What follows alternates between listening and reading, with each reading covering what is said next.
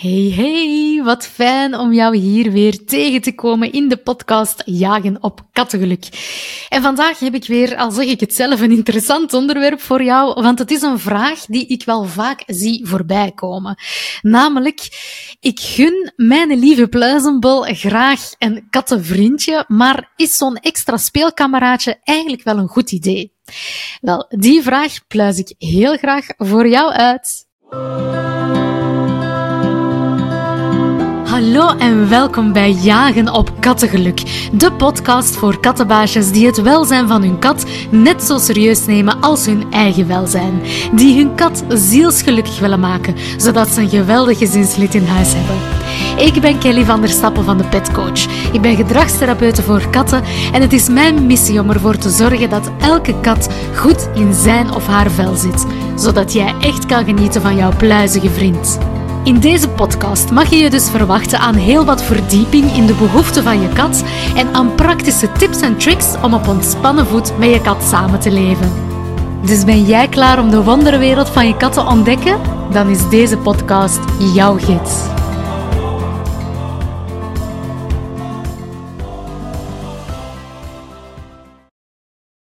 Dus de vraag of een tweede kat in huis wel een goed idee is. En laatst kreeg ik deze vraag heel concreet van een van mijn lieve volgers op Instagram. En haar extra bezorgdheid was ook het feit dat haar kat uh, niet buiten kan. En dat zij ook op een appartement van ongeveer een 35 vierkante meter woont. En zij vroeg zich dus af, ja, is dat wel een goed idee om daar een, uh, een extra kat bij te zetten? Want ik gun mijn kat dan nu zo hard hè, om een extra vriendje in huis te hebben, maar is dat wel een goed idee? Wel, ten eerste, als we het hebben over de appartement van uh, ongeveer 35 vierkante meter, om daar een tweede kat bij te zetten, of dat dat een goed idee is of niet.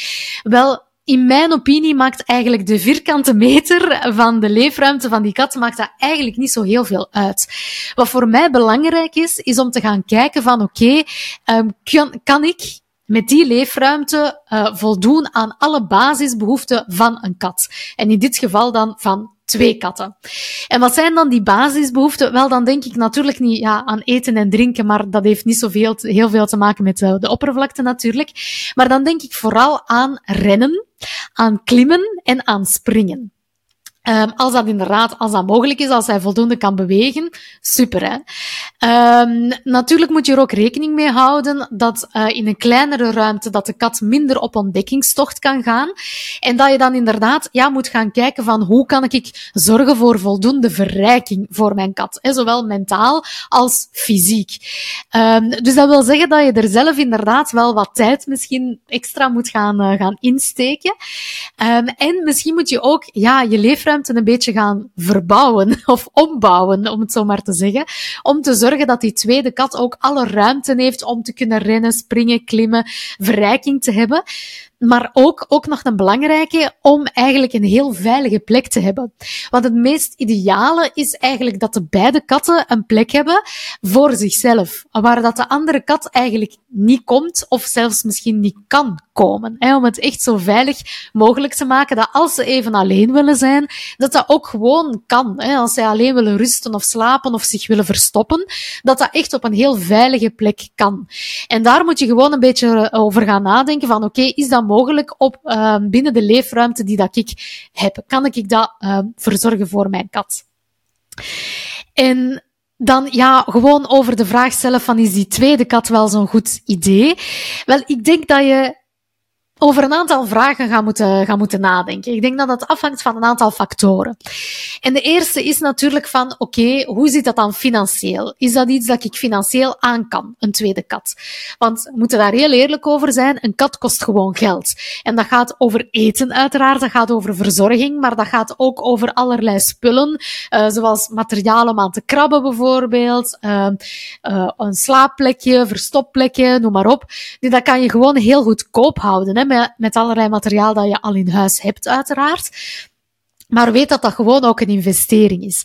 Uiteraard, ja, je hebt ook de kosten van de dierenarts. Het kan zijn dat een kat ziek wordt, bijvoorbeeld. Dus dat zijn allemaal wel uh, dingen waar dat je rekening mee moet houden. Een kat kost gewoon geld. En een tweede kat kost uiteraard nog meer geld. Hè. Moet je eigenlijk verdubbelen. Dat is ten eerste de financiële situatie. Uh, tweede wat je even over moet nadenken is van hoeveel tijd en energie heb ik voor een tweede kat. Want natuurlijk, ik had het al over uh, die extra verrijking. Hè. Je moet natuurlijk zorgen dat je de kat verrijking kan, uh, kan geven. Je moet die kat uiteraard ook aandacht geven. Uh, zelfs als je een, een groot huis hebt, kan je misschien denken van ja, oké, maar dan kan ze op ontdekkingstocht gaan overal. Ja, een kat moet je gewoon aandacht geven.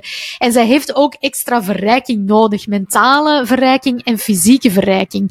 Dus het is ja niet zo omdat je dan misschien niet in een kleiner appartement woont, maar in een groot huis, dat je moet denken van, ah ja, oké, ik moet hier geen aandacht aan geven. Of als jouw katten buiten kunnen, sowieso ga je tijd en energie moeten steken in jouw, uh, jouw kat, uiteraard. Hè.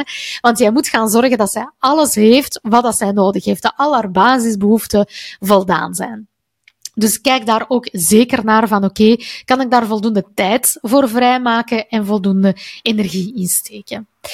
Uh, derde punt waar dat je rekening mee moet houden is uh, jouw kat zelf. De kat die dat jij nu al hebt. Hoe goed kan jouw kat om met andere katten. En dan vooral ja, katten die dat ze niet, niet kent, hè, want in het begin gaat ze die tweede kat natuurlijk niet kennen. Um, voor mij persoonlijk is dat de reden dat ik zelf maar één kat heb. Want mijn Ziva reageert echt niet goed op andere katten. Uh, zij krijgt daar heel veel stress van. Um, zij wil natuurlijk direct als ze een, een, een, kat nog maar ergens ziet. Hè. Zelfs al ziet zij op de eerste verdieping en ziet ze die kat ergens heel ver je ziet dan haar van, oeh, die komt hier op mijn terrein en die moet hier van mijn terrein weg. Dus dat geeft haar gewoon heel veel stress.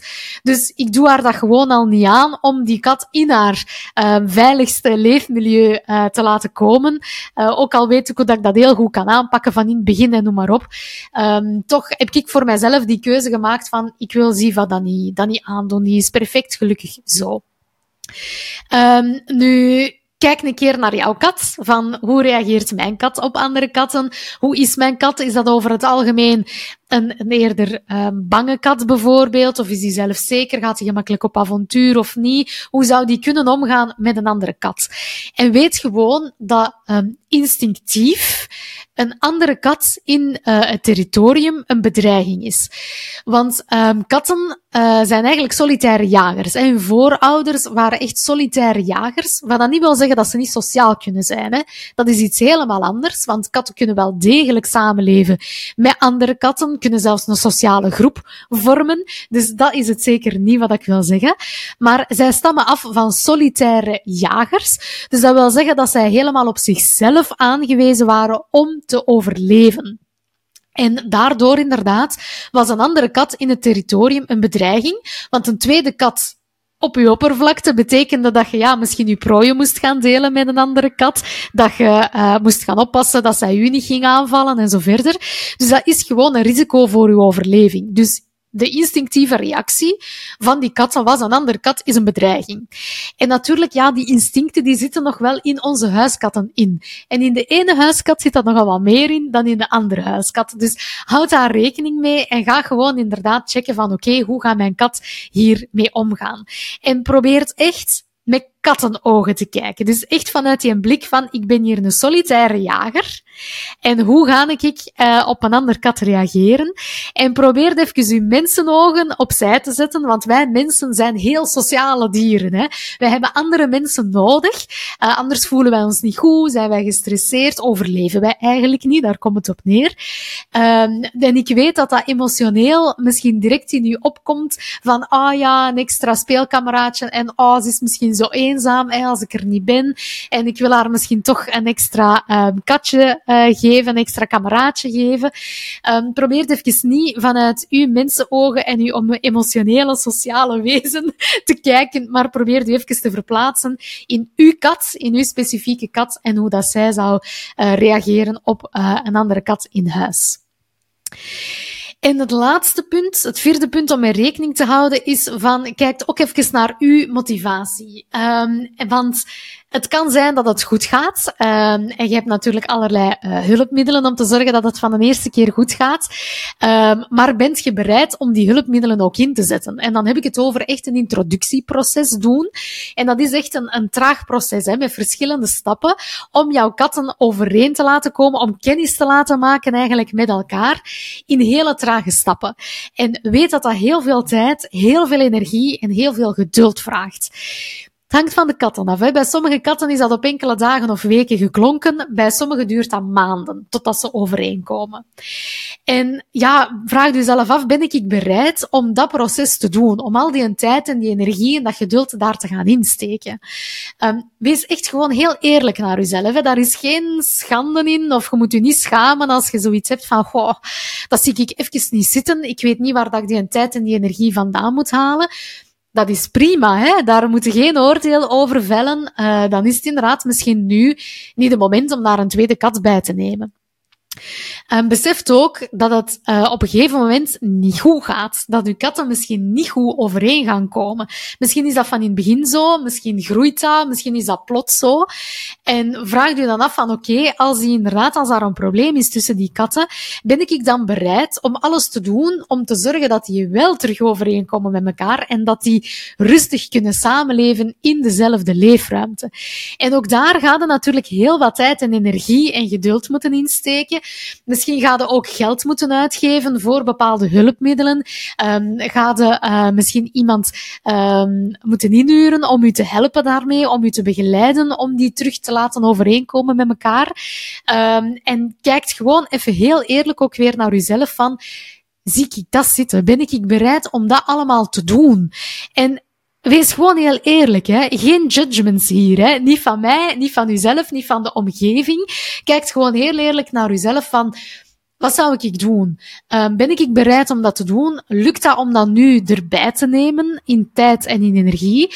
Of um, ga ik dan zeggen van ja, sorry, als dat hier echt niet gaat en die vechten heel de tijd met elkaar en ik ben geen seconde niet meer gerust in huis, uh, want die kunnen elkaar aanvallen, die kunnen elkaar verwonden, uh, het haar gaat hier weer rondvliegen. Um, ben ik dan bereid om daar het nodige voor te doen? Of ja, gaat dan voor mij de oplossing zijn van ja, sorry, maar dan moet die kat inderdaad um, terug weg. Um, en als dat gewoon een, een, een beslissing is, geen judgment, geen oordeel daarover, wees gewoon heel eerlijk. Uh, wel, dan is het misschien inderdaad beter om uzelf en die kat niet door die emotionele pijn te laten gaan van die opnieuw uh, weg te doen. Um, dus wikt en weegt uh, daarover, kijkt heel eerlijk naar uzelf en neemt op basis daarvan uh, een beslissing.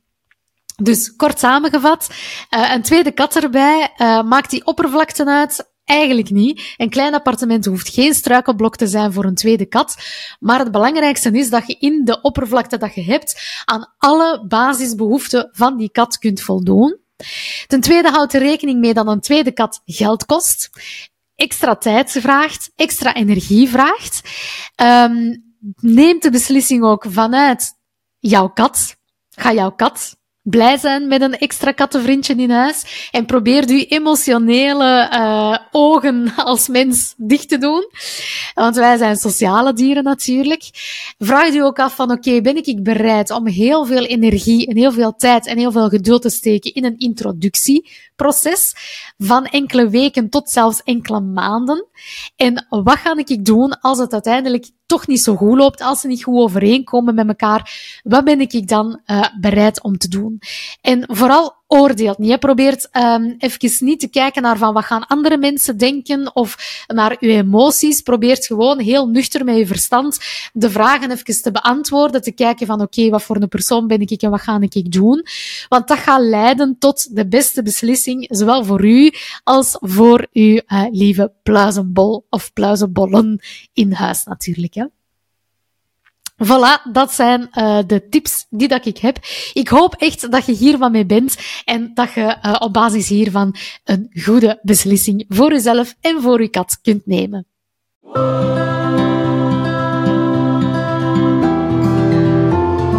Wil jij meer informatie over hoe zo'n introductieproces in elkaar zit? Of zit je met andere vragen over je kat?